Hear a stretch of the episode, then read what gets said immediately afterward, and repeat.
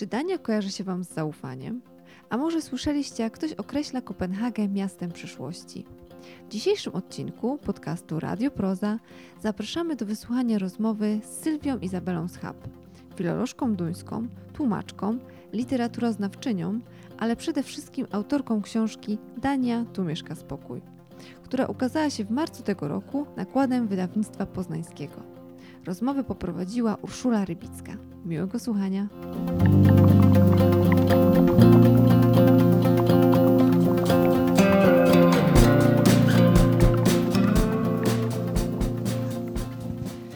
Dzień dobry Państwu. E, witam Państwa serdecznie zgromadzonych w klubie Proza we Wrocławskim Domu Literatury. Witam także wszystkich widzów e, oraz słuchaczy online, którzy nas śledzą na Facebooku. Piątkowe popołudnie, myślę, to jest wspaniały czas, żeby się udać na wycieczkę do Danii e, i wybierzemy się tam dzięki e, naszej dzisiejszej gościni, e, której myślę nie trzeba Państwu przedstawiać, ale gwoli ścisłości jest z nami Sylwia Izabela Schab, e, profesor Uniwersytetu Adama Mickiewicza, filolożka, literaturoznawczyni e, i taka nieoficjalna, ale też trochę oficjalna ambasadorka Danii w Polsce, tak przynajmniej ja Ciebie widzę. No ja się do tego też przyznaję. E... I e, dzień dobry Państwu. E, zatem, zatem powoli będziemy wchodzić na pokład tego samolotu do Danii. I Twoja książka, o której dzisiaj będziemy rozmawiać, która jest w ogóle takim przyczynkiem do większej dyskusji na temat e, Danii i Duńczyków i fenomenu tego kraju. E, to e, nosi tytuł Dania, tu mieszka spokój. I pierwsze pytanie, jakie mam do ciebie, dotyczy właśnie mieszkania. Czyli gdzie jest twój dom? No, mój dom jest zdecydowanie w Poznaniu w tej chwili, e, ale takim e, moim drugim domem, jeśli, jeśli się taką metaforą posługiwać, jest na pewno Dania, a konkretnie Kopenhaga, moje naprawdę ukochane miasto. E, tak właśnie czułam, że być może jesteś w takim rozkroku, bo czytając tę książkę, ja odniosłam takie wrażenie i Państwo zapewne też, że Twoje serce niewątpliwie jest w Danii, bo jesteś wielbicielką tego kraju, e, bywałaś tam wielokrotnie, spędzasz tam zapewne urlopy i nie tylko wyjazdy związane z pracą, ale także, e, także czas wolny. E, więc jest to taka książka pisana z miłością, natomiast nie jest to ślepa miłość, jak wiemy, bo potrafisz też wytknąć. E, Oj, tam konkret... wytknąć od razu, dostrzec. Dostrzec, dostrzec zaznaczyć. Mniej różowe strony. Mhm, całkiem realistycznie. E, to jakbyś mogła powiedzieć, e, może właśnie to nawiązując do tej miłości i do tego serca w Kopenhadze i w, zapewne w innych miastach także, co ci się takiego stało, że zakochałaś się akurat w tym kraju? Co, co cię urzekło? No, na początku był przypadek, ale często tak bywa, że przypadki się szczęśliwie jakoś rozwijają. Tak było w moim, e, w moim życiu. E, przypadkiem w jakimś sensie było to, że zaczęłam po prostu studiować filologię duńską. I nie był to tak, to już wybrzmiewa tak do końca świadomy, przemyślany wybór, ale za to był to wybór, którego nigdy, nigdy, przenigdy nie pożałowałam. E, I jest to taka ścieżka życiowa, którą e, kroczę po prostu z wielką radością i e, ciekawością cały czas. I ta miłość może nie była tego rodzaju, że ona jakby wybuchła gwałtownie od pierwszego wejrzenia, ale się po prostu rozwijała. I myślę sobie, że jeszcze duże są przed nami perspektywy rozwojowe. To znaczy, ja się cieszę również z tego, że o Danii nadal nie wiem wszystkiego. I bardzo chcę się o niej e, dowiadywać e, ciągle czegoś nowego i po prostu śledzę to, co się w Danii dzieje też na bieżąco, po to, żeby zobaczyć, jak to się ma do tego, czego ja się na przykład o Danii kiedyś, będąc jeszcze studentką, uczyłam. A czy z Twojej perspektywy my Polacy wiemy już dużo o Danii, czy są ciągle takie białe e, ślady miejsca na mapie wciąż nieodkryte i Ty właśnie e, obiecałaś sobie, że będziesz je pokazywać Polakom? Pisząc tą, tę książkę, miałam podejrzenie, że, y, że Polacy nie za dużo o y, Danii wiedzą, i to podejrzenie jest zresztą potwierdzane w rozmowach, które teraz odbywam, na przykład z dziennikarzami, którzy, którzy mi często mówią, że zanim nie przeczytałem pani książki, czy przeczytałam, to o Danii nie wiedziałam, nie wiedziałem nic. I y, można, można też domyślić się, że, że ta wiedza na temat Danii i Duńczyków nie jest w Polsce powszechna, sprawdzając to, jakie są skojarzenia z Danią w Polsce i takie pierwsze myśli. Co przychodzi pierwsze na myśl, kiedy pada hasło Dania? Tych haseł nie będzie zbyt wiele. No mamy klocki Lego, mamy klocki, Tak, Karlsberga albo Tuborga, ktoś mi podpowiedział tak. na jednym ze spotkań, e, albo e, Hansa Christiana Andersena. I Syrenkę. Mamy Hygge, oczywiście mamy Hygge, e, które, które zawojowało całą Europę i dotarło również, również do Polski jako taka fala. Um, tak, ale za dużo więcej chyba już nie. Więc y, rzeczywiście mm, myśląc o napisaniu tej książki, y, myślałam y, o tym, że chciałabym tę moją ukochaną Danię, bo ja tej miłości nie kryję, która nie jest ślepa, jak, jak już zauważyłaś, chciałabym tę ukochaną moją Danię przybliżyć polskiej publiczności. Mhm. I myślę, że świetnie to robisz, bo w tej książce jest naprawdę dużo więcej historii niż te takie klisze, o których wspomniałyśmy, czy marki. E, ale mówiąc o markach, e, wydaje się, nie wiem e, jakie Państwo macie skojarzenia, ale że Dania też w pewien, w pewien sposób jest marką samą w sobie, czyli oni się dobrze promują poprzez te właśnie niektóre fenomeny, zjawiska, czy na przykład to Hygge wspomniane, które jakby wszyscy w pewnym momencie życia um, robili sobie wieczorki hygge, nie wiem jak to powiedzieć, e, czy, czy spędzali hygge czas. E, I jak ty byś się odniosła do tego, właśnie do tych klisz? E, czy one nam cokolwiek mówią o Danii e, i co, jakbyś może chciała to wiedzę przełamać? I o czym opowiadasz w książce, jakby na co stawiasz akcenty? No oczywiście, że te klisze e, jakąś część prawdy nam zdradzą, e, bo Hygge które no, moim zdaniem jest y, rozdmuchane jako takie zjawisko opisujące Danię, jednak coś o tej Danii oczywiście mówi. Y, mało tego, Duńczycy sami w głosowaniu powszechnym, wybierając 10 y, najważniejszych wartości niematerialnych charakteryzujących ich kulturę, wskazali również Hygge. Więc coś jest na rzeczy. Mhm.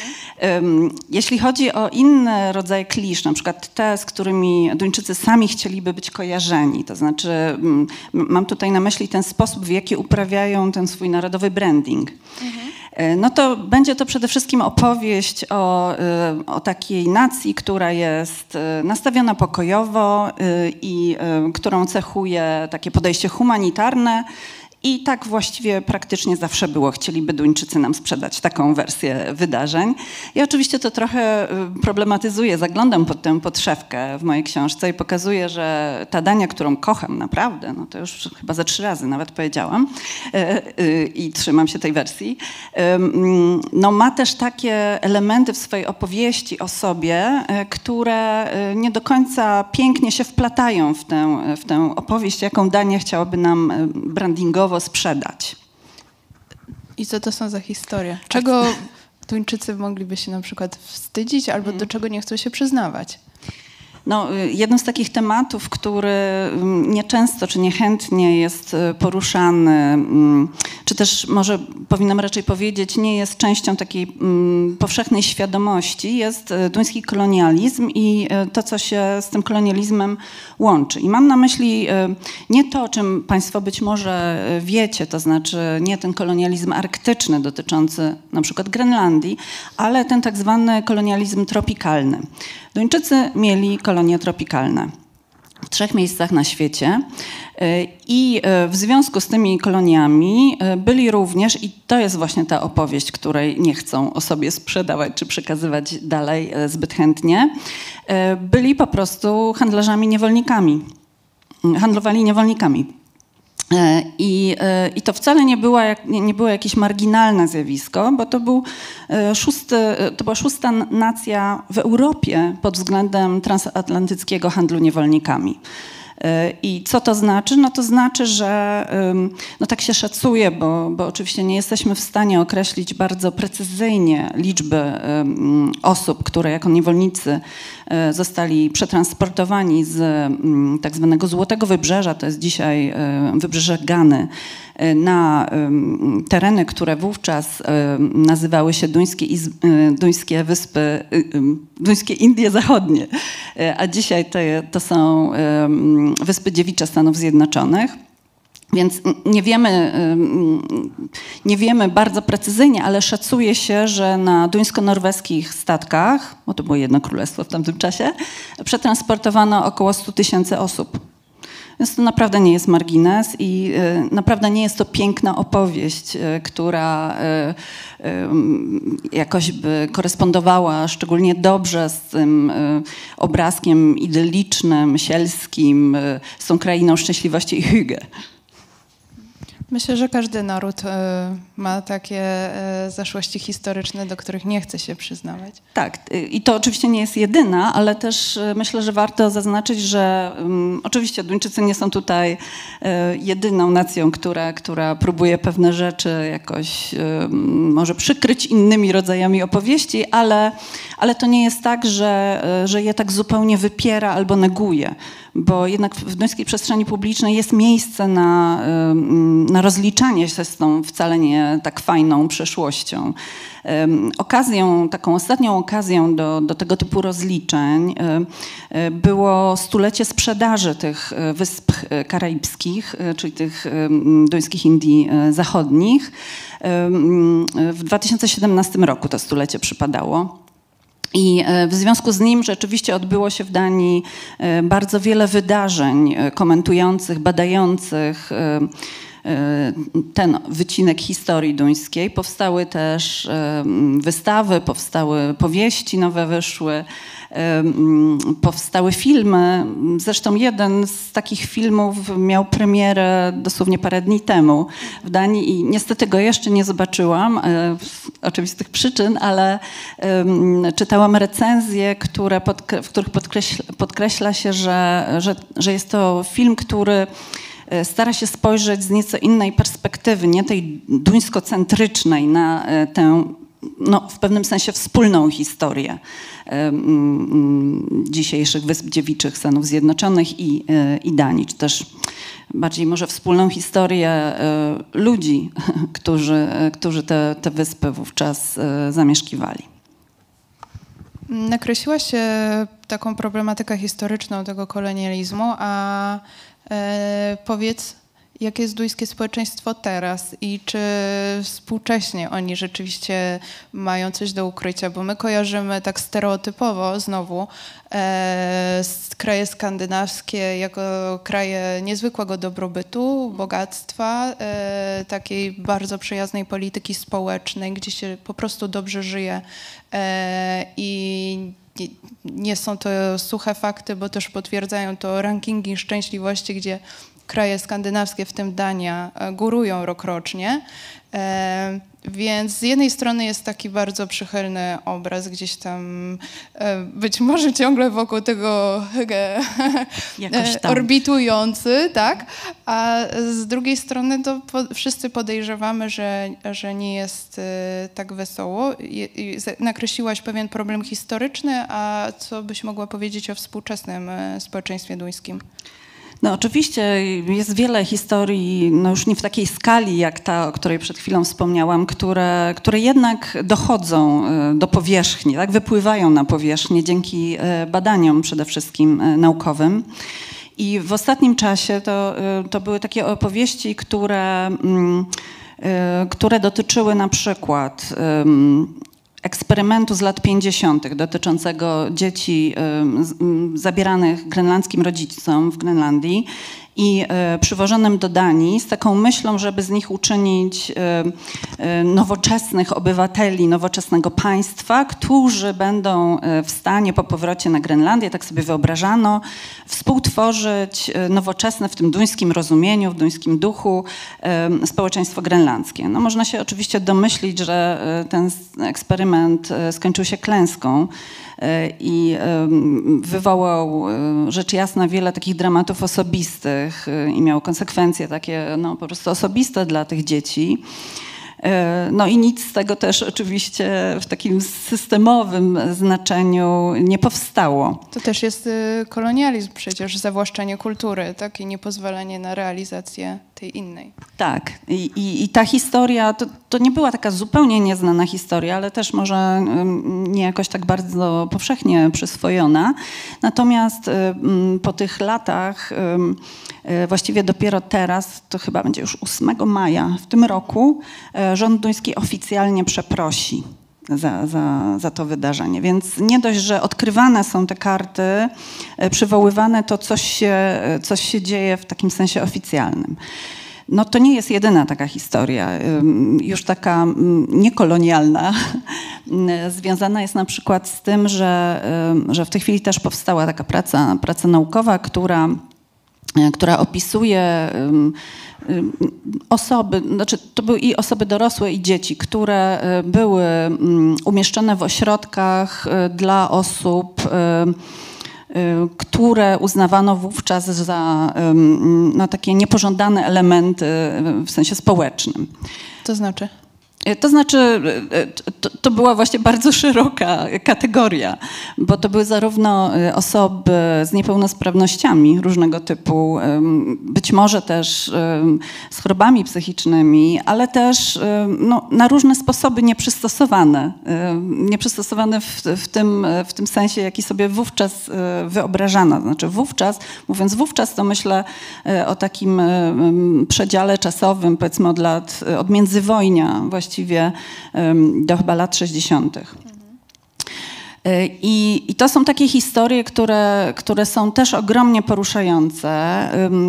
Duńska telewizja przygotowała ostatnio dokument, który przedstawia, e, którego bohaterem jest e, dosyć znacząca osoba, która znalazła się w takim ośrodku. Bo tym bohaterem jest ojciec byłego premiera Danii, Polanu Rupa. E, I oczywiście ten ojciec już nie żyje, e, natomiast Paul Neurup Rasmussen opowiada e, tę historię, odwiedza miejsca, w których właśnie odbywała się ta izolacja, zresztą to, to, to tymi miejscami były wyspy, bo Dania składa się z e, kilkuset wysp, no i takie, e, e, które z, z naturalnych przyczyn są dobrymi miejscami izolacji od, od społeczeństwa, prawda? Więc, więc to jest też taka, taka opowieść już nam bliższa w sensie czasowym. No i jeszcze jedna z takich, jeśli Państwo sobie życzycie takich czarnych kart, Prosimy. to jeszcze mogę dorzucić e, opowieść związaną z mm, e, przymusowymi sterylizacjami i ustawami eugenicznymi, które w Danii e, też w okresie międzywojennym były przyjmowane i były związane z takim rodzajem, z taką myślą dotyczącą inżynierii społecznej ale związane nie z czystością rasową, tak? to, to nie, nie, był zupełnie ten kontekst, tylko kontekstem tutaj było budowanie państwa dobrobytu y, i y, budowanie po prostu społeczeństwa mm, y, zdrowego, tak? zdrowego w, zgodnie z tymi normami, które, które obowiązywały w międzywojniu. Rzeczywiście to, to, to, ustawodawstwo weszło w Danii pod koniec lat dwudziestych. Największy taki szczyt e, tych sterylizacji przypadł na lata 40. E, w prawie duńskim zachowały się te zapisy do roku 67. To nie znaczy oczywiście, że już tam w, w okresie powojennym e, odbywały się te, te sterylizacje, natomiast przymusowe, natomiast, e, natomiast taki zapis istniał. E, I tu też dzięki badaniom naukowym wiemy, że, że tych osób, których to dotyczyło, było, o ile dobrze pamiętam, 13 tysięcy w Danii. I, i ta grupa również doczekała się mm, rekompensaty i, i przeprosin oficjalnych ze strony państwa. Ale może już opuśćmy te czarne tematy, bo już teraz Państwo wszystko wiecie, co, jak, jak źle się dzieje w państwie duńskim. Czyli to jednak prawda. Ale nie cała prawda, tak? Bo ten obraz, jeśli pytasz mnie o ten obraz Danii współczesnej, oczywiście nie jest tworzony tylko z takich wątków, tak? Na całe szczęście, tak? I myślę, że y, możemy y, ewentualnie przesunąć się y, bardziej ku tym obszarom, które są pozytywne i sympatyczne, bo, bo takich też w Danii jest wiele. No, niewątpliwie. E, dobrze, ale jeszcze, jeszcze zanim przejdziemy do pozytywów, to znaczy, być może już tam jesteśmy, ale chciałabym jeszcze zarysować e, może taką mm, charakterystykę Danii na tle innych krajów skandynawskich, bo przynajmniej ja tak mam. Wydaje mi się, że wielu osobom mogą się te kraje skandynawskie zlewać, czy państwa nordyckie, e, w taką jedną spójną historię w miarę podobnych losów, w miarę podobnego społeczeństwa. Jakbyś mogła e, nam to wyjaśnić, czym na przykład Duńczycy się różnią od Norwegów albo Szwedów, z którymi w sumie mają dobre stosunki, ale też lubią żartować, bo dobrze pamiętam ten żart z, ze Szwecją, że jedna rzecz w Szwecji się udała lepiej, mają dobrych sąsiadów. Więc, lepszych. lepszych. lepszych sąsiadów, mm. więc y, jak to jest właśnie na tle krajów y, tych nordyckich? No nie wiem, nie wiem czy, czy odważę się powiedzieć, czym się różnią, czy w jaki sposób się różnią. E, za to chciałabym podbić to, co powiedziałaś, to znaczy, że oczywiście w oglądzie zewnętrznym ten obszar, który my sobie nazywamy Skandynawią, chociaż to też nie jest do końca precyzyjne. Ja, ja wolę określenie region nordycki. E, więc, e, więc e, ten obszar wiele więcej łączy rzeczywiście niż dzieli. To mam na myśli tutaj nie tylko aspekty historyczne, bo przez, przez wieki ta historia była czasami wręcz wspólna. Tak? już wspomniałam o, o tych duńsko-norweskich statkach, mówiąc o, o, czasach, kiedy Norwegia de facto była podporządkowana królowi duńskiemu, więc, więc w tym sensie takim może znowu nie do końca pozytywnym pozytywnym. był, był to jeden organizm państwowy. Szereg różnych badań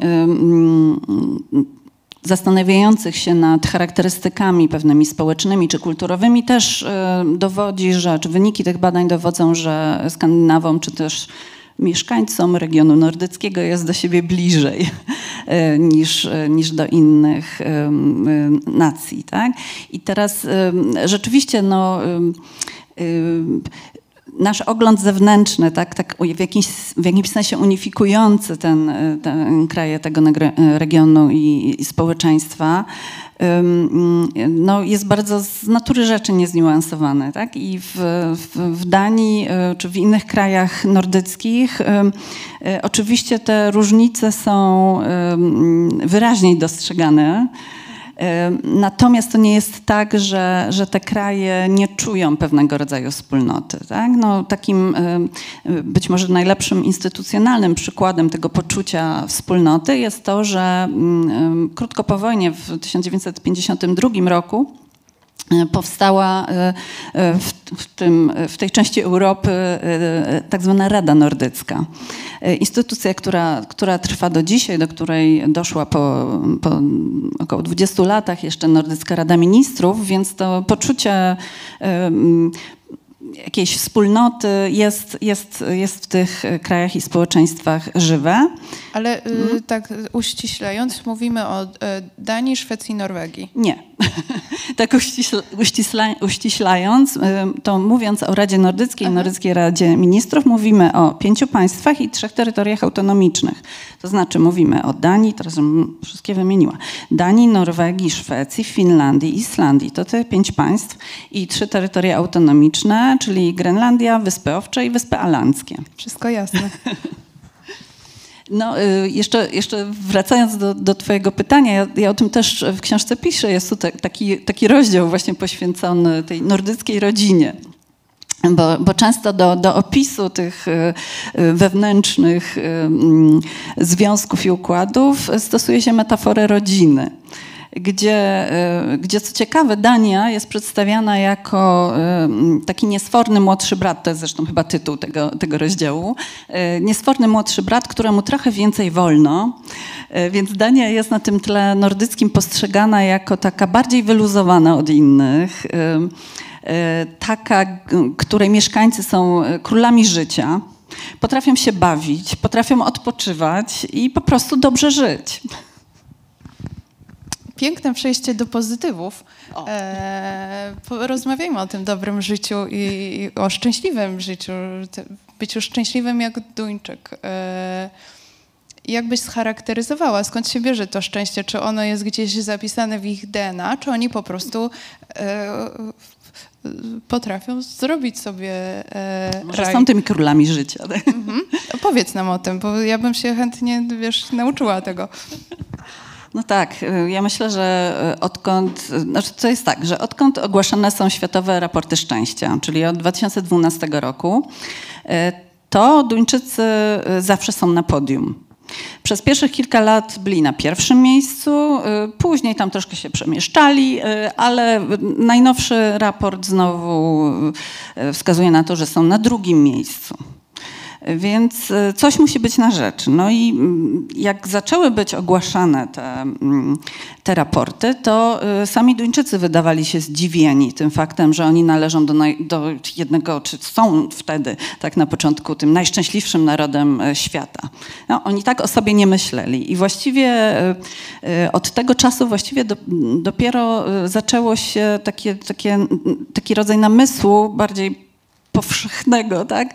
Nad tym, co takiego spra- znaczy co, co jest powodem właściwie tego duńskiego szczęścia. Więc odkrywamy to jakoś tak e, nie tak długo po tym, jak Duńczycy zaczęli, e, zaczęli o tym na szerszą skalę myśleć i, i to badać. Jeśli chodzi o te e, raporty szczęścia, światowe raporty szczęścia, no to one, one są oparte mm, o szereg czynników mm, takich mierzalnych i, i dotyczą dotyczą też takiego rozumienia szczęścia, które jest retrospektywne, to znaczy, które wiąże się z, retrospektywnym spojrzeniem na swoje życie. Czyli to nie chodzi o takie szczęście tu i teraz, że tu i teraz czuję się szczęśliwa, y, tylko co myślę o swoim życiu, patrząc wstecz. Y, I to też nie jest tak, że ci Duńczycy nagle wyskoczyli e, w, tak w przestworze szczęścia, e, bo znamy też wcześniejsze badania, które pokazują, że to szczęście e, u Duńczyków jest już nie, nie, tak głośne badania, dlatego się o tym tak tyle wcześniej nie mówiło, że to szczęście u Duńczyków jest w ogóle na wysokim poziomie. I e, w okresie, to myślę o konkretnym badaniu, to był okres 40 lat, od lat 70., cały czas jest na tym wysokim poziomie. Więc e, tutaj muszą wchodzić w grę jakieś czynniki strukturalne. I to jest e, chyba ta trochę gorsza wiadomość dla osób, które chciałyby się zainspirować i pójść tym, tym tropem, bo po prostu tego typu wzorców nie da się prosto przekleić. E, na inny grunt kulturowy. E, mm, o jakich wzorcach myślę? To znaczy, e, wiemy też skąd inąd, że to, to jest z kolei też takie badanie, mm, którego wyniki czytałam całkiem niedawno. Wiemy, że bardzo ważnym czynnikiem szczęścia są więzi społeczne. E, że to jest, że to jest po prostu zasadniczy, e, zasadniczy element. No i jeśli spojrzymy pod tym względem na Danię, to e, można bez przesady powiedzieć, że Duńczycy są mistrzami szczęścia. Ponieważ Duńczycy są niesamowicie oddolnie przeorganizowani. To jest bardzo dojrzałe, tak społecznie, obywatelsko społeczeństwo, które, e, no właśnie, zrzesza się i potrafi współdziałać. I, I, to jest zresztą chyba jedna z tych y, też różnic między nami a, y, a Duńczykami. Ja dzisiaj y, odświeżyłam sobie y, panoramę racławicką i tam podczas y, wsłuchiwania się w y, audioprzewodnik pomyślałam sobie, że no właśnie, to o to chodzi, bo tam padło takie zdanie, że, że Polacy wspaniale mobilizują się w, w chwilach zagrożenia. Wtedy potrafią współdziałać.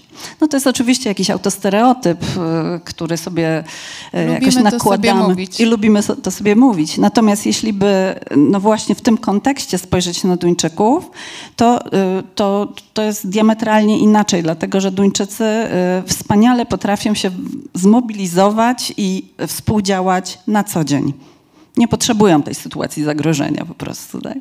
Więc y, te więzi społeczne są oczywiście mm, y, też w jakimś sensie konsekwencją takiego trybu y, działania, tak? czyli no po prostu poznawania się, współpracowania, dogadywania się, bo to też jest istotne w duńskiej kulturze. To jest kultura dyskusji, konsensusu. Mhm. A jakbyś mogła właśnie wymienić te różne rodzaje y, wspólnotowości i zrzeszania się. Też może, żeby nam dać przykład tego, co można robić i z kim, e, bo domyślamy się, że są to przede wszystkim silne więzi rodzinne, e, sąsiedzkie, w pracy, ale też jest bardzo dużo stowarzyszeń mhm. i takich wspólnot być może dla nas troszeczkę dziwacznych. Różnego rodzaju hobby. Jakbyś mogła o tym opowiedzieć trochę? Co ich łączy? To, to ciekawe, że mówisz, y, właśnie mówiąc o wspólnocie, y, mówisz, y, czy dodajesz do tego, że może troszkę dziwacznych, bo, bo to jest też tak, że chyba wspólnota jako zjawisko, czy tryb działania może nie najlepiej się w Polsce kojarzy. Z wiadomych przyczyn. To nie muszę Państwu tego tłumaczyć. Natomiast e, w Danii jest zupełnie inaczej. Tak? Wspólnota to jest, to jest właściwie takie, takie słowo klucz do duńskiego społeczeństwa. Dzisiaj zobaczyłam informację Duńskiego Centrum Architektury o, o tym, że 4 maja otwiera się wystawa, bo nie wiem, czy Państwo wiecie, ale Kopenhaga jest teraz w tym roku Światową Stolicą Architektury. I w związku z tym e, otwiera się również jako jeden z e, punktów programu wystawa dotycząca Kopenhagi właśnie, jako przestrzeni takiej miejskiej. I w opisie tego wydarzenia no właśnie zwróciło moją uwagę to, że o tej architekturze, o przestrzeni Kopenhagi pisze się poprzez kategorię wspólnoty. Czyli opowiada się tę przestrzeń poprzez wskazanie na różnego rodzaju wspólnoty, które, które się tworzą, nawiązują, przemieszczają albo które zaniknęły. E, to ciekawe, bo myślę, że w, w, polskim kontekście akurat taki, to nie, byłby, to nie byłaby ta soczewka, przez którą by się patrzyło na to skąd inąd naprawdę świetne w ludzkim wymiarze miasto, jakim jest Kopenhaga. Ale wracając, wracając do, do Twojego pytania, o jakie rodzaje wspólnot chodzi, to jest zresztą też jeden z tych elementów y, kultury niematerialnej, które Duńczycy wskazali jako charakterystyczne dla swojego społeczeństwa, czyli stowarzyszanie się i wolontariat. Tak się nazywa ten punkt łącznie. I to stowarzyszanie się jest rzeczywiście takim bardzo codziennym trybem, y, trybem działania, dotyczącym zarówno no, różnego rodzaju, poszukiwania różnego rodzaju rozwiązań, które interesują e, większą grupę e, osób na co dzień, tak? Czyli to mam na myśli tutaj współpracę związaną z tym, że, że rodzice po prostu się zastanawiają nad tym, jak ulepszyć szkołę, czy jak, jak, jak tutaj współpracować ze szkołą, ale też y, mieszkańców, którzy, którzy na przykład wspólnie y, y, przygotowują miejsce spotkań, z którego wszyscy będą mogli korzystać.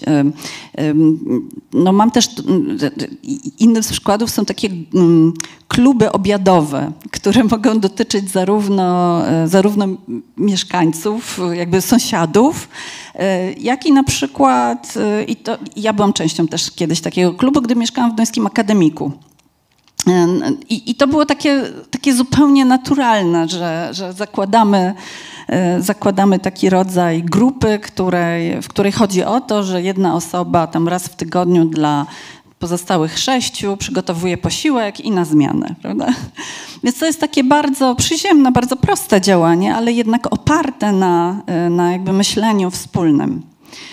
E, inne przykłady, no ja, ja, chyba jakoś tak wyostrzyłam wzrok na te, e, na te przykłady z dnia, z dnia codziennego, sobie je zapisuję w moim magicznym notesiku. I, i tutaj, o właśnie, e, się skonsultowałam z nim właśnie. Innym przykładem, ostatnim z, z, z takich działań wspólnotowych i na rzecz wspólnoty jest to, że E, w pewnej miejscowości w północnej Jutlandii e, lokalni mieszkańcy skrzyknęli się, żeby e, powrócił u nich po prostu sklep spożywczy, zamknięty w czasie pandemii, no, w związku z kryzysem i tak dalej. Była to jakaś uciążliwość dla nich, ale nie czekając na nie wiem, zmiany koniunktury gospodarczej czy inne, inne jakieś czynniki z góry idące, e, po prostu się skrzyknęli i zebrali e, naprawdę dużą kwotę, która pozwoliła temu lokalnemu e, przedsiębiorcy, który prowadził wcześniej sklep, go znowu otworzyć te, przeczytałam też chyba w zeszłym tygodniu um, artykuł dotyczący takich um, wspólnot sąsiedzkich, które, których zadaniem jest redukcja emisji dwutlenku węgla. Więc y, jakby to jest, to jest ten tryb działania. To znaczy Duńczycy nie patrzą y, do góry w sensie takim, że nie czekają, że ktoś przyjdzie do nich z rozwiązaniem z góry, tylko zaczynają również działać oddolnie i te grupy, one powstają już od 2020 roku i dotyczą bardzo różnego y, typu działań. To znaczy na przykład wspólnego sąsiedzkiego zakładania kompostowników albo zakładania kooperatyw spożywczych, czyli kupowania bezpośrednio u, u, u producentów rolnych. Nie? Więc to są drobne działania, e, które e, no oczywiście jakoś pojedyncze może nie mają y, wielkiego znaczenia, ale to są te krople, które zebrane no, dają rwącą rzekę. Mm, ale także, i to w tym kontekście e, szczęścia, myślę, mm, e, warto podkreślić, dają poczucie sprawczości, bo to też jest ważny czynnik e, poczucia szczęścia, poczucia sprawczości. Absolutnie. Mówisz, e, powiedziałaś to wprost, a teraz zdajesz nam przykłady tego, że e, Duńczycy są kompetentnym społeczeństwem, świadomym, e, mhm. także społeczeństwem obywatelskim. A poświęcasz w książce też dużo czasu do opisu czegoś takiego jak zaufanie społeczne. I to też jest coś, co chyba wyróżnia znacząco nasze e, narody, czyli polski i duński. Delikatnie mówiąc. E, tak. I jakbyś mogła nam opowiedzieć trochę o tym zaufaniu społecznym i właśnie jak wygląda e, i jak się być może właśnie różnimy na tym punkcie? No to zaufanie społeczne to, to jest taki, e, taki e, element, e, który często bywa określany w opisach w odniesieniu do Danii jako to duńskie, duński, najważniejszy duński surowiec naturalny. Oczywiście on naturalny nie jest, on jest wypracowany społecznie, ale niemniej jednak patrząc na, na dane, no to możemy śmiało powiedzieć, że Duńczycy są mistrzami świata albo co najmniej w czołówce światowej, jeśli chodzi o wysoki poziom zaufania społecznego. I teraz co to znaczy y, zaufanie społeczne? Może dodam jeszcze, że, że mm, ponad 80% Duńczyków y, deklaruje, że ufa innym. I teraz to zaufanie społeczne ma takie dwa, dwa aspekty główne. Y, jednym z nich jest to, że no właśnie te ponad 80% Duńczyków uważa, że innym, również osobom, których nie znają osobiście, można zaufać. To jest jedna rzecz. A druga to, że ufają państwu y, oraz, co może też być dość szokujące, ufają instytucjom publicznym, na przykład takim jak sądy, służba zdrowia albo policja. To brzmi dosyć obco, prawda, w, w, naszym, w naszym kontekście. I rzeczywiście, y, tak jak Duńczycy odznaczają się naprawdę wysokim poziomem zaufania społecznego, tak Polacy ciągną się na szarym końcu, jeśli chodzi o, o ten aspekt. Więc ym, to jest też jeden z tych powodów, dla których, jak sądzę, nie tak łatwo da się przekleić te duńskie rozwiązania i, co, i to, co za nimi idzie, czyli na przykład to poczucie szczęścia na grunt polski. A, a co by się dało przekleić? No, Jakbyś mogła taką re, małą receptę nam wypisać? No właśnie, no to, to są te najtrudniejsze zawsze zadania.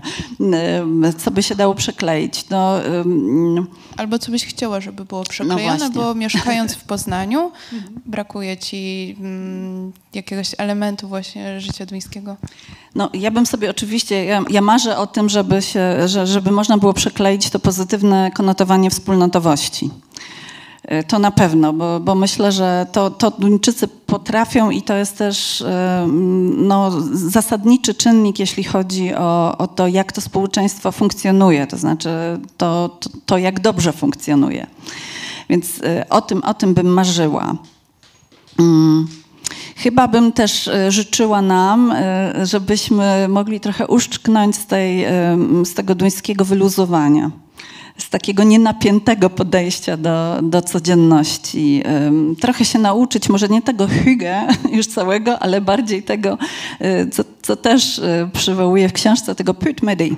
A niech tam, no dobra, już nie ma o co tam e, kruszyć kopii.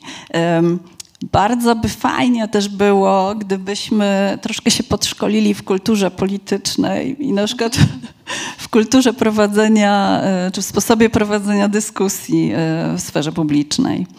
E, Oczywiście to nie jest tak, że Duńczycy są zawsze i wszędzie bardzo uprzejmi wobec, swoich interlokutorów. Tu jeśli chodzi na przykład o internet, to jesteśmy bardzo podobni. Równie niemili bywamy wobec siebie, to znaczy Duńczycy i, i, i Polacy wewnętrznie. Niemniej jednak, jak się obserwuje scenę polityczną duńską, to, to kontrast jest ogromny. Tak? Jeśli patrzymy na debaty e, polityków e, polskich, no to Państwo wiecie, ale jeśli popatrzymy na, na, na debaty polityków duńskich, to jeśli nie orientujemy się bardziej szczegółowo w, w tym, kto ma bliżej do kogo, to po samym przebiegu dyskusji mm, nie zorientujemy się po tych elementach, które, które nam w naszym kontekście e, najwięcej o tym mówią, czyli to, e, kto komu ręki nie poda, albo e, kto kogo określi jakimś niemiłym, nieuprzejmym słowem. Tego w, zasadniczo, oczywiście się, się zdarza, ale zasadniczo tego w duńskiej debacie publicznej nie ma. Więc no fajnie by było, gdyby, gdyby ten rodzaj, no może to jest jakiś rodzaj, nie wiem, zasłonki, maski, trudno powiedzieć, ale jednak bardzo, bardzo przyjemnej w odbiorze. E, Mówiąc o debacie politycznej, e, od razu mi się nasunął znakomity serial Rząd na Netflixie. Jeżeli Państwo nie oglądali, to polecam, bo to jest Ja też polecam. jedno z wielu źródeł wiedzy o Danii, które posiadam, takie właśnie do, domowe źródło. I tam też jest bardzo ciekawie ta polityka przedstawiona i te relacje między politykami. Czasami e, gra jest e, zacięta, no bo wiadomo, walczą o władzę, ale jednak e, jest to specyficzne środowisko. Pewne normy są zachowane, prawda? Mhm, e, oczywiście. E, I tutaj w sumie łączy nam się ten serial Rząd, e, w którym e, główną rolę odgrywa premierka Danii, z tym, o co chciałam cię zapytać, czyli o pozycję kobiet w społeczeństwie. Czy kobiety są zabezpieczone społecznie? No, to jest kolejny element, to znaczy równość płci, równouprawnienie. To jest kolejny e, z elementów, który, który Duńczycy sobie e, znaczy wskazali w tym wspomnianym już wcześniej głosowaniu powszechnym jako charakteryzujący ich społeczeństwo. Więc jest to e, społecznie ważna kwestia. I w wielu, w wielu aspektach można powiedzieć, że to równouprawnienie w Danii się powiodło. Mm, Na przykład w takim dotyczącym ról płciowych y, i, i tego, co która z płci y, y, może robić, na przykład w domu. Mm, Więc tutaj, tutaj rzeczywiście ta równość jest zauważalna. Natomiast są też takie obszary, mm, w których Duńczycy i Dunki mają jeszcze wiele do zrobienia. I, I to też może się wydać e, dosyć zaskakujące, ale to dotyczy luki płacowej, która w Danii jest e, nawet na, na tle europejskim e, zaskakująco duża, większa niż w Polsce. Tak, to, to jest rzeczywiście, może się wydać dość szokujące. Dunki nadal zarabiają mniej niż Duńczycy. I czy jest to jakoś dyskutowane, systemowo rozwiązywane? Co się dzieje w tej sprawie? No tak, no bo to jest tak, że y, y, są zapisy prawne gwarantujące równość płac.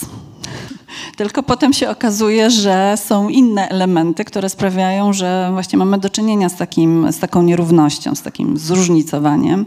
I to są też elementy strukturalne, na przykład te związane z byciem w ciąży i wychowaniem, wychowywaniem dzieci, tak? bo wtedy kobieta jest poza rynkiem pracy przez jakiś czas. No, w związku z tym y, oczywiście nie pnie się po szczeblach kariery w, w taki zupełnie swobodny sposób. No, są na to jakieś rozwiązania. No, takim rozwiązaniem jest przypisanie części urlopu y, ojcu. Tak? I w tej chwili, to, to, chyba w zeszłym roku weszło to, ta regulacja weszła w życie. Ona dotyczy tego, że jeśli ojciec nie weźmie swojej części urlopu, to ta część urlopu po prostu przepada. Więc jest to taka bardzo, bardzo myślę, konkretna, konkretna zachęta. Tutaj jeszcze na marginesie, jeśli mogę, y, i wracając do tej wspólnotowości i tego, jak Duńczycy się zrzeszają i, y, i nawiązują więzi społeczne, no to trzeba też powiedzieć, że ci tatusiowie, którzy, którzy właśnie w większej liczbie od jakiegoś czasu dziećmi się zajmują, w, jeśli w, ramach tego, tego, tego właśnie urlopu, zaczynają się też zrzeszać tak, jak do tej pory zrzeszały się młode matki matki. Bo w Danii jest takie rozwiązanie systemowe, które mm, za pośrednictwem gminy w ramach którego łączy się kobiety mieszkające blisko siebie, które niedawno urodziły dzieci. I one się po prostu spotykają ze sobą i z dziećmi i, i ma to, jak się wydaje, duże znaczenie dla nich związane z tym, że po pierwsze nie siedzą cały dzień same z dziećmi, tylko mają też dorosłe osoby, z którymi mogą porozmawiać, ale też inne osoby, które mogą po prostu zapytać zwyczajnie o różne rzeczy, czy się pożalić, e, czy, czy, czy no właśnie pośmiać. E, niewątpliwie jesteś e, ambasadorką Danii w Polsce. A jak to wygląda, kiedy jesteś w Danii? Czy tam też na przykład zadają ci pytania o Polskę, o Polaków, czy, czy tak samo czujesz jakąś potrzebę opowiedzenia o tym twoim drugim domu? To jest chyba podchwytliwe trochę pytanie. Nie? Dlaczego? No może odpowiem tak. Ja bardziej się czuję ekspertką od Danii niż od Polski. I dlatego o wiele chętniej występuję w tej roli ambasadorki, samozwańczej ambasadorki Danii, niż ambasadorki e, Polski w, w Danii. Oczywiście, no, poniekąd każdy z nas jest ambasadorem, czy, czy każda z nas ambasadorką, tak, poza, poza granicami kraju, bo no, też to, jak my jesteśmy jako ludzie postrzegani, pewnie wpływa jakoś tam, czy modyfikuje ten obraz e, kraju, z którego pochodzimy. Więc mimowolnie pewnie wszyscy takie, takie funkcje pełnimy. Natomiast y, ja oficjalnie chyba nie, nie, po, nie odważyłabym się na, na podjęcie takiego wyzwania w drugą stronę, tak? bo nie jestem, mm, nie jestem ekspertką od Polski. Zaskoczyłaś mnie. Szczerze mówiąc, nie spodziewałam się takiej odpowiedzi. Bardzo się cieszę, że cię zaskoczyłam. A jakbyś mogła jeszcze e, opowiedzieć, już powoli zmierzamy ku końcowi, w tym sensie, że e, moje pytania powoli się kończą, natomiast Państwo też będziecie mieli e, szansę zapytać naszą ambasadorkę o to, co Was nurtuje, ale jeszcze chwileczkę pozostając w tej społeczności polskiej w Danii. Ostatnio obchodziliśmy okrągłą rocznicę marca 68 roku jak wiemy, duża społeczność e, z Polski była zmuszona do emigracji, część z nich właśnie zamieszkała w Danii. I czy mogłabyś powiedzieć e, nam, kim są ci ludzie co robią w Danii, bo niektórzy z nich odnieśli sukcesy na przykład na polu kultury, jak Janina Kac, e, która jest w Polsce, myślę, dobrze znana, także w Danii, znana Mam i nadzieję, nagradzana. że w Polsce również jest znana. Opowiedz nam trochę, czy oni w ogóle są widoczni w Danii? No, nie są widoczni w takim sensie, że jakoś na pierwszy rzut oka się wyróżniają, czy, czy stanowią jakąś zupełnie osobną grupę, bo też była to grupa dosyć specyficzna, około, około 3000 osób to było, które się w Danii akurat osiedliły z tej imigracji marcowej. Y, I rzeczywiście, y, jak pisze Bogusława Sochańska w swojej książce, y, w której przeprowadza wywiady z emigrantami marcowymi, to była to przede wszystkim grupa osób bardzo dobrze wykształconych. Więc oni dosyć szybko się po prostu odnaleźli na duńskim rynku pracy czy w duńskiej, w duńskiej rzeczywistości. I część z nich e, rzeczywiście ma w Danii rozpoznawalne nazwiska. Wspomniałaś o, e, o Janinie Kac. Myślę, że to jest, to jest świetny przykład i też Państwa zachęcam do, do lektury jej i powieści, i jej poezji, które mamy przyswojone polszczyźnie przez Bogusię Sochańską właśnie. E, ale to jest taka historia, że Janina Kac e, debiutowała właśnie w Danii 20 lat po wyjeździe z Polski i debiutowała po duńsku, więc ona, dlatego mówię o tym przyswojeniu polszczyźnie, bo Janina Kac pisała po duńsku. E, I mało tego, o ile dobrze pamiętam, w 2013 roku była nominowana jako duńska pisarka poetka, bo to akurat chodziło o zbiór wierszy, do Nagrody Literackiej Rady Nordyckiej. Więc to, to myślę bardzo, bardzo dobrze opisuje e, pozycję e, Janiny Kac i rozpoznawalność jej i, i wagę, e, wagę jej twórczości zauważoną tak, w, w Danii. No jest oczywiście wiele innych osób. No i ja chętnie wspomnę jeszcze o Bronisławie Świderskim, który mm, E, który pisze po polsku i z tego co wiem w Danii nie wyszedł, znaczy po duńsku jego powieści nie wyszły.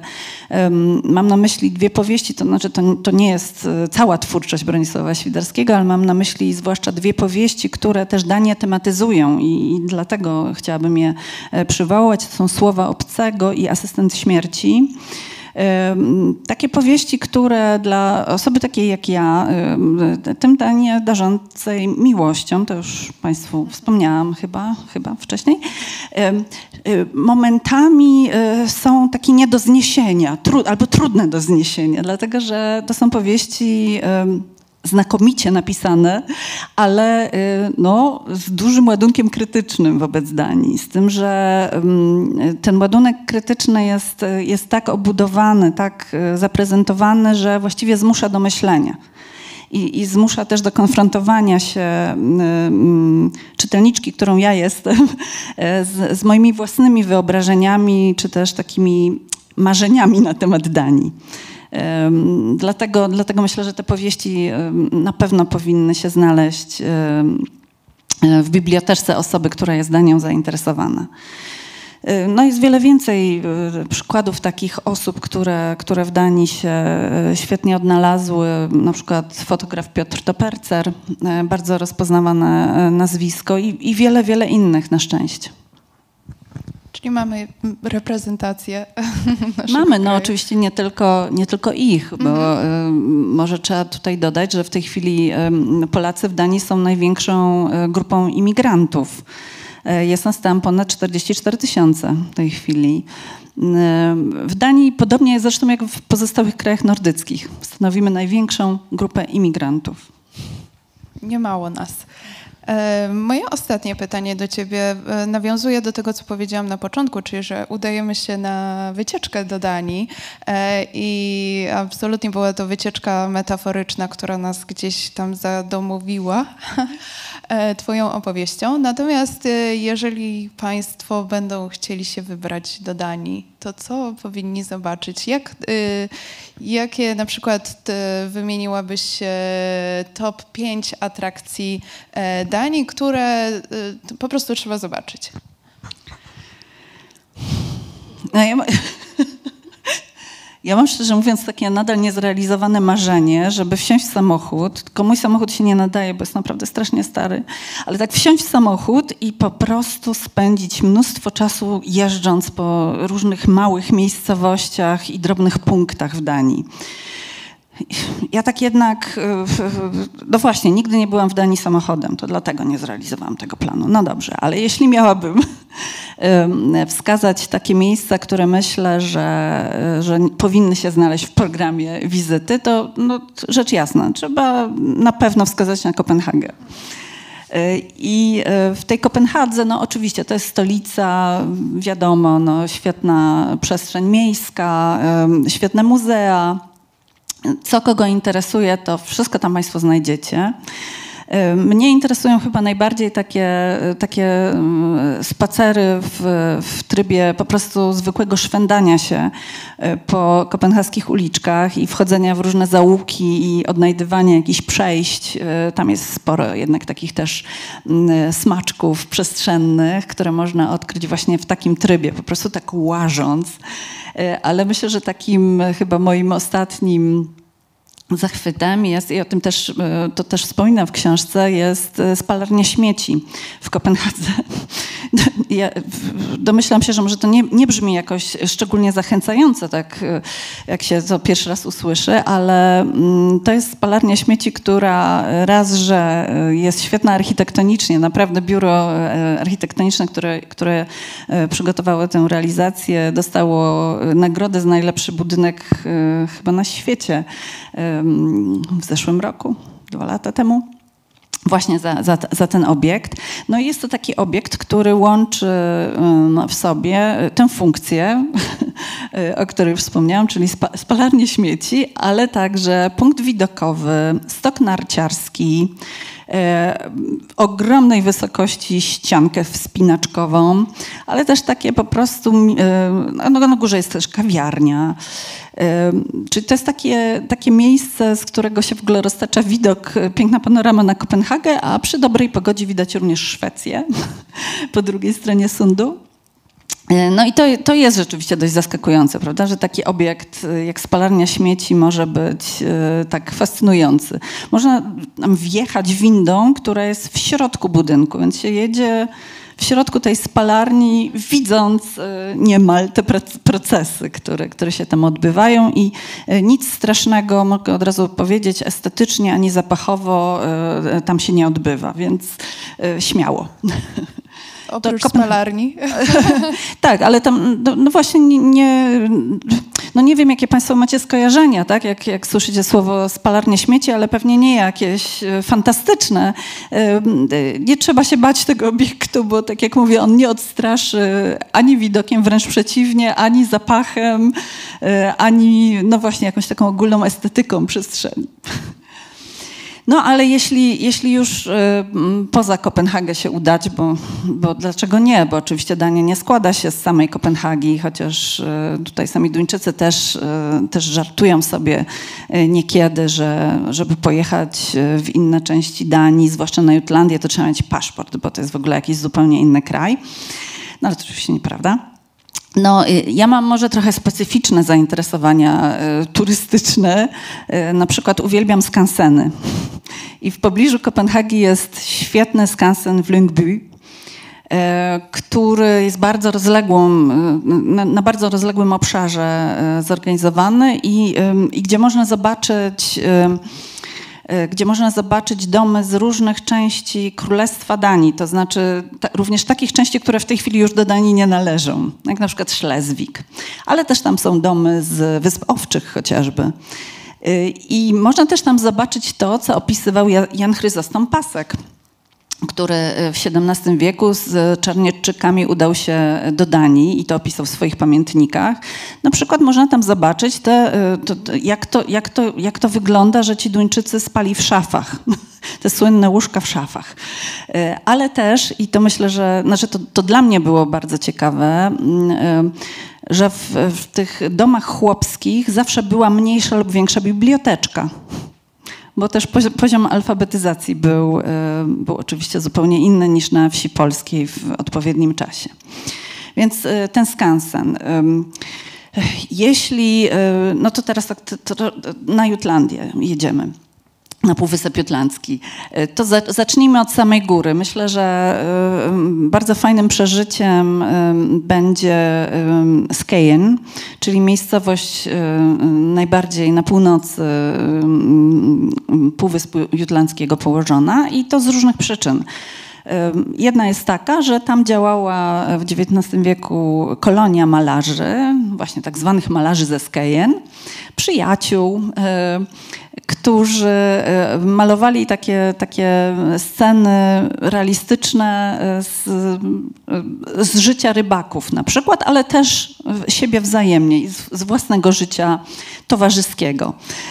I w Skejen można zobaczyć, można odwiedzić muzea w, prezentujące te obrazy. Myślę, że one są naprawdę bardzo ciekawe. Ale też, jeśli wyjechać troszeczkę powyżej Skejen na, na przylądek Greinen, to tam można zobaczyć, jak się spotykają dwa morza, y, Bałtyk i Morze Północne. I to jest rzeczywiście jedyne w swoim rodzaju przeżycie, bo to naprawdę widać, jak te morza od siebie odchodzą i się do siebie zbliżają. Jest zdjęcie w książce. Jest zresztą zdjęcie w książce, tak. Można tak poglądowo na sucho e, z takiego poziomu się temu przyjrzeć. Jak Jutlandia, to jedziemy teraz troszkę bardziej na południe, pod y, drugie co do wielkości miasto duńskie, czyli Ochus, gdzie znajduje się y, w moim odczuciu, bo oprócz tego, że uwielbiam skanseny, to uwielbiam też muzea, e, więc pod tym Ochus znajduje się w moim odczuciu najlepsze muzeum, jakie, no to jest najlepsze muzeum, jakie widziałam. To jest Mołoską Museum, MOMU, taką, taki ma skrót i to jest muzeum właściwie archeologiczno-etnograficzne, które e, zabiera w taką podróż po prehistorii e, duńskiej, ale no, prehistoria, ale, ale później i, i, i, ta historia e, biegnie dalej. Ma też fantastyczne wystawy czasowe i to jest naprawdę bardzo, bardzo tak nowocześnie komunikujące się ze swoją publicznością muzeum, czyli ta opowieść jest, jest naprawdę wciągająca w takim, w takim dosłownym znaczeniu, to znaczy, gdy chodzi się po, po, po tej części, która, która pokazuje um, historię epoki żelaza na przykład, to chodzi się po, po takim powierzchni, która się zapada jak torfowiska, w których składano na przykład ofiary z ludzi. Albo wchodzi się do, do grobowca. Brzmi złowieszczo. Nie, właśnie, nie, ja, ja myślę, że jest w ogóle fascynująco. No ale to tak, to ja już zdradziłam. Takie mam zainteresowania i może, może kręci mnie coś innego niż innych, ale to jest e, swoją drogą naprawdę świetnie komunikujące się z publicznością e, muzeum, a zarazem e, mm, też świetny budynek, znaczy świetny obiekt architektoniczny, który właściwie, którego większość jest pod ziemią, co ma też o tyle sens, że no właśnie ta historia, prehistoria jest jakby w tym muzeum prezentowana pod ziemią. E, a na, na dach można wchodzić e, mm, tego muzeum.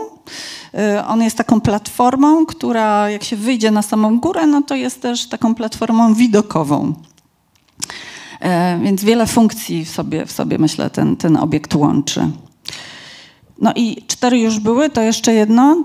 Dobrze, to, y, to myślę, że zabrałabym Państwa do najstarszego duńskiego y, miasteczka, czy najstarszej duńskiej osady, ale też y, wiele wskazuje na to, że to jest najstarsze miasto w ogóle na północy. Mówiąc o północy, myślę o, o właśnie tym regionie nordyckim, czyli Ribe.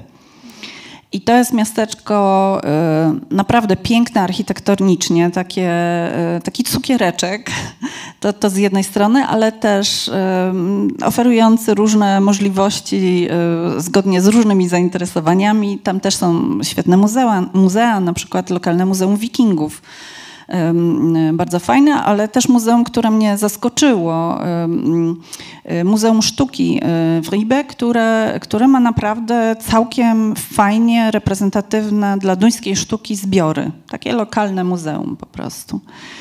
No i samo Ribe jest po prostu pięknie położone I, i, i, to też jest takie miejsce, gdzie można, jeśli się ma szczęście i przyjedzie tam w odpowiednim czasie, e, zaobserwować taki taniec wielu tysięcy, setek tysięcy szpaków, e, który e, jest określany po duńsku, po polsku nie wiem, pewnie jest jakaś nazwa, ale próbowałam dopytać znajomych, którzy więcej wiedzą na ten temat niż ja i jakoś nie potrafili mi podpowiedzieć. Po duńsku angielsku się to w każdym razie nazywa czarne słońce. Pięknie. To już wiemy, co będziemy robić podczas tegorocznego urlopu.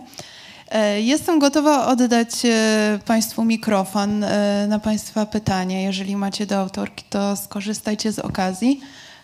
Można podpytać. Prosiłabym o podniesienie ręki, jeśli są pytania.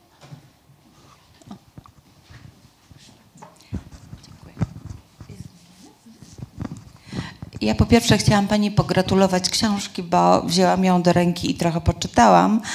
I dobrze się to czyta, co myślę, że jest dosyć istotne. Ma bardzo piękną okładkę, taką moim zdaniem bardzo duńską, jakkolwiek moje doświadczenia duńskie są bardzo fragmentaryczne, ale chciałam Panią zapytać o coś, co mm, rzuciło mi się w oczy z, w czasie wizyt jak powiedziałam, w tej Danii kontynentalnej, tej głównej. E, mianowicie ta mm, luz przejawiający się w dostępności różnych obiektów architektury albo różnych obiektów instytucjonalnych, na przykład banków, dla klientów. Co mnie zszokowało, to sytuacja, w której w banku w Kopenhadze, nie pamiętam nazwy niestety, ale jest ni mniej, ni więcej, tylko taka rura, która pozwala dzieciom wbiec na piętro bodaj trzecie i w tej rurze zjechać na dół. Rzecz się dzieje w środku banku, które jak wszyscy wiemy w Polsce mają charakter bez mała fortec, jeśli w ogóle jeszcze istnieją. E, więc pytanie moje jest takie, czy potwierdza Pani tę, albo być może inne są Pani obserwacje, taką otwartość obiektów i dostosowanie architektury do potrzeb różnych grup i wiekowych, i, i społecznych. Dziękuję bardzo. Bardzo dziękuję za, za, za, Pani uprzejmą opinię o książce. Bardzo, bardzo mi miło jest to słyszeć. Y, oczywiście, że potwierdzam. Jest na to bardzo wiele przykładów y, tej właśnie dostępności, czy też takiego myślenia mm, o kształtowaniu przestrzeni w taki sposób, żeby ona była y, ciekawa i zapraszająca dla różnych grup użytkowników. I ja mam bardzo wiele obserwacji takich, które na przykład dotyczą tego, jak ustawia się ławeczki w przestrzeni miejskiej. No, ostatnio byłam z rodzicami w Gnieźnie i tam powstał taki now, nowa część parku nad jeziorem, jak się schodzi z Muzeum Początków Państwa Polskiego. Bardzo pięknie przygotowany obiekt, tylko że na przykład zaskoczyło mnie to, że ławeczki tam są odwrócone plecami od jeziora i, i skierowane w, na ścieżkę rowerową. No nie wiem. No więc, y, a, a, z kolei w tej przestrzeni duńskiej, publicznej urzeka mnie to, że, że ławeczki ustawiane są tak, żeby um, sprzyjały kontaktom międzyludzkim, nawiązywaniu właśnie kontaktów, czyli raczej kreowane są przestrzenie i miejsca, które zapraszają do bycia razem w nich, do zasiadania razem. Inny taki przykład przestrzeni, no właśnie takiego swobodnego przechodzenia przestrzeni takiej bardziej prywatnej w przestrzeń do użytkowania publicznego. No, takie przykłady można znaleźć właśnie tak się wałęsając po Danii. I teraz myślę o dwóch takich miejscach, w centrum Kopenhagi właściwie, gdzie jedno z nich to jest takie, że mm, stoi obiekt, który jest chyba jakąś halą sportową, taką niezaciekawą, tak szczerze sobie powiedzmy architektonicznie. E, przy ścianie tej hali e, są zbudowane takie schody, podesty drewniane, na których po prostu można sobie siedzieć w słońcu, a nawet i popijać coś, jakąś wodę, czy co tam kto lubi. E, następnie po tych, jakby do tych schodów, tych schodów dotyka chodnik oraz oczywiście ścieżka rowerowa, wiadomo. a następnie, a następnie ta powierzchnia przechodzi łagodnie w mm, kolejne takie drewniane stopnie, które są częścią nabrzeża nad rzeczką gdzie również można sobie siedzieć i, nie wiem, czytać książkę na przykład. Akurat Duńczycy rzeczywiście dużo czytają, także to nie jest taki przykład z sufitu wcale. E, więc to jest taki, taki, mm, taki przykład myślenia o przestrzeni, e, którą po prostu e, użytkują różne osoby i z różnymi potrzebami. Ale inny, taki bardziej zaskakujący chyba z naszej perspektywy przykład, to też jesteśmy nadal w ścisłym centrum Kopenhagi. Y, nowo powstałe bloki, to znaczy te bloki tam są trzypiętrowe, mm, nad jednym z głównych kanałów w Kopenhadze.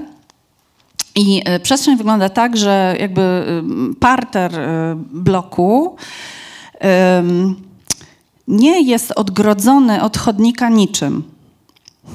To znaczy, tarasy osób, które mieszkają na parterze, nie są w żaden sposób oddzielone od chodnika.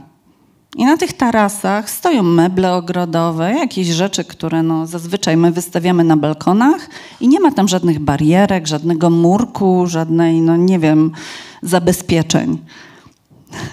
I, i, I to jest y, no, taki właśnie rodzaj otwarcia tej przestrzeni, prawda? nie zamykania się. No w ogóle ta idea y, na przykład osiedli zamkniętych y, to w Danii się nie przyjęła. No właśnie, to są te, te różnice, o których już y, poniekąd y, wcześniej wspominaliśmy. E, dziękuję. Ja chciałbym przede wszystkim pogratulować książki i podziękować za spotkanie. Tak się rozmarzyłem, że trudno mi wybrać myśli. E, otóż ja mam takie pytanie odnośnie Jentelowen. E, ja Państwu zacytuję tutaj z książki Izabeli. E, mm. Sylwii Izabeli. My się, my się, znamy, także to tak, dlatego jesteśmy po imieniu. Profesor Józef Jarosz z Uniwersytetu Wrocławskiego. Dziękuję. E, otóż to jest takie pisane i niepisane prawo, e, taki kodeks zachowania się e, w społeczeństwie, czyli regulujący kontakty międzyludzkie, jednocześnie e, relacje jednostka a grupa. I to jest taki, taki, taki kodeks, który przyjął się w całej Skandynawii, można powiedzieć, czy na północy, ja najchętniej używam tego określenia, na północy, w krajach nordyckich. E, I recepcją cieszył się przez wiele lat i, i, i z rozmów ze starszym pokoleniem, z ludźmi starszy, starszymi ode mnie, wiem, że był respektowany przez długi czas. Czyli w szkole im mówiono rzeczy następujące. Nie myśl, że jesteś kimś wyjątkowym. Nie myśl, że nam dorównujesz. Nie myśl, że jesteś mądrzejszy od nas. Nie myśl, że jesteś lepszy od nas. Nie myśl, że wiesz więcej niż my. Nie myśl, że jesteś czymś więcej niż my. Siedem. Nie myśl, że jesteś w czymś dobry. Nie masz prawa śmiać się z nas. Nie myśl, że komukolwiek będzie na tobie zależało. Nie myśl, że możesz nas czegoś nauczyć. I to taki kontekst pisany i niepisany, bo to jest, pochodzi z utworu literackiego, to zaraz o tym pewnie powiesz.